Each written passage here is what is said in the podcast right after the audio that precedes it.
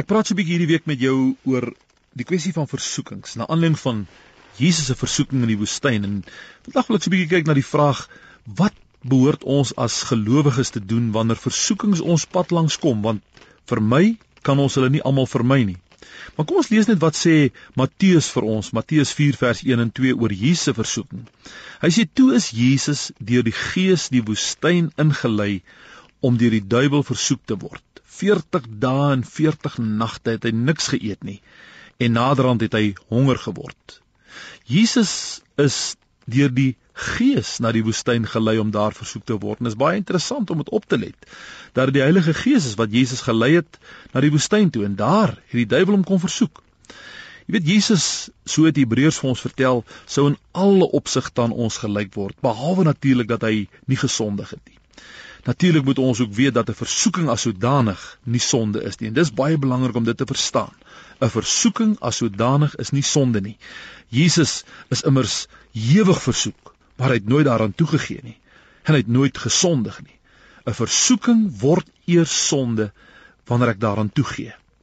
So het Dawid nie gesondig toe hy daar op sy paleis se dak vir Batsheba gesien wat het nie maar hy het egter in plaas daarvan om pad te gee en die versoeking te weerstaan, het hy aan die sonde toegegee.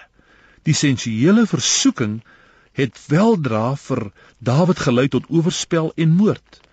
Natuurlik is daar versoekings wat ons kan vermy. Trouwens, Paulus sê daar is sekere versoekings waarvan ons moet wegvlug, veral geldgierigheid.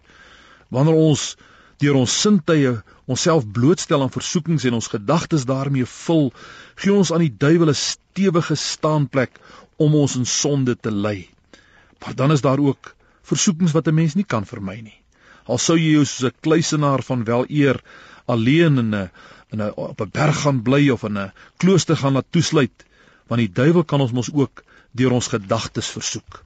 Natuurlik is daar baie wat ons kan leer uit Jesus se versoeking.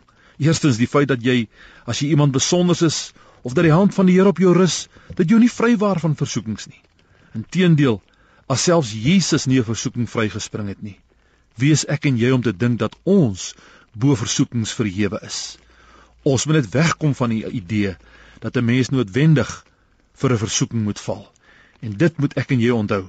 Versoekings mag 'n realiteit wees. Ons mag sommige dalk nie ontkom nie, maar ons hoef nie vir versoekings te val nie.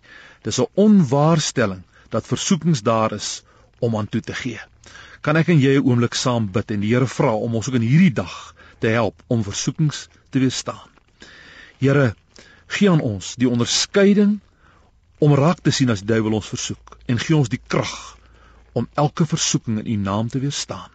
Amen.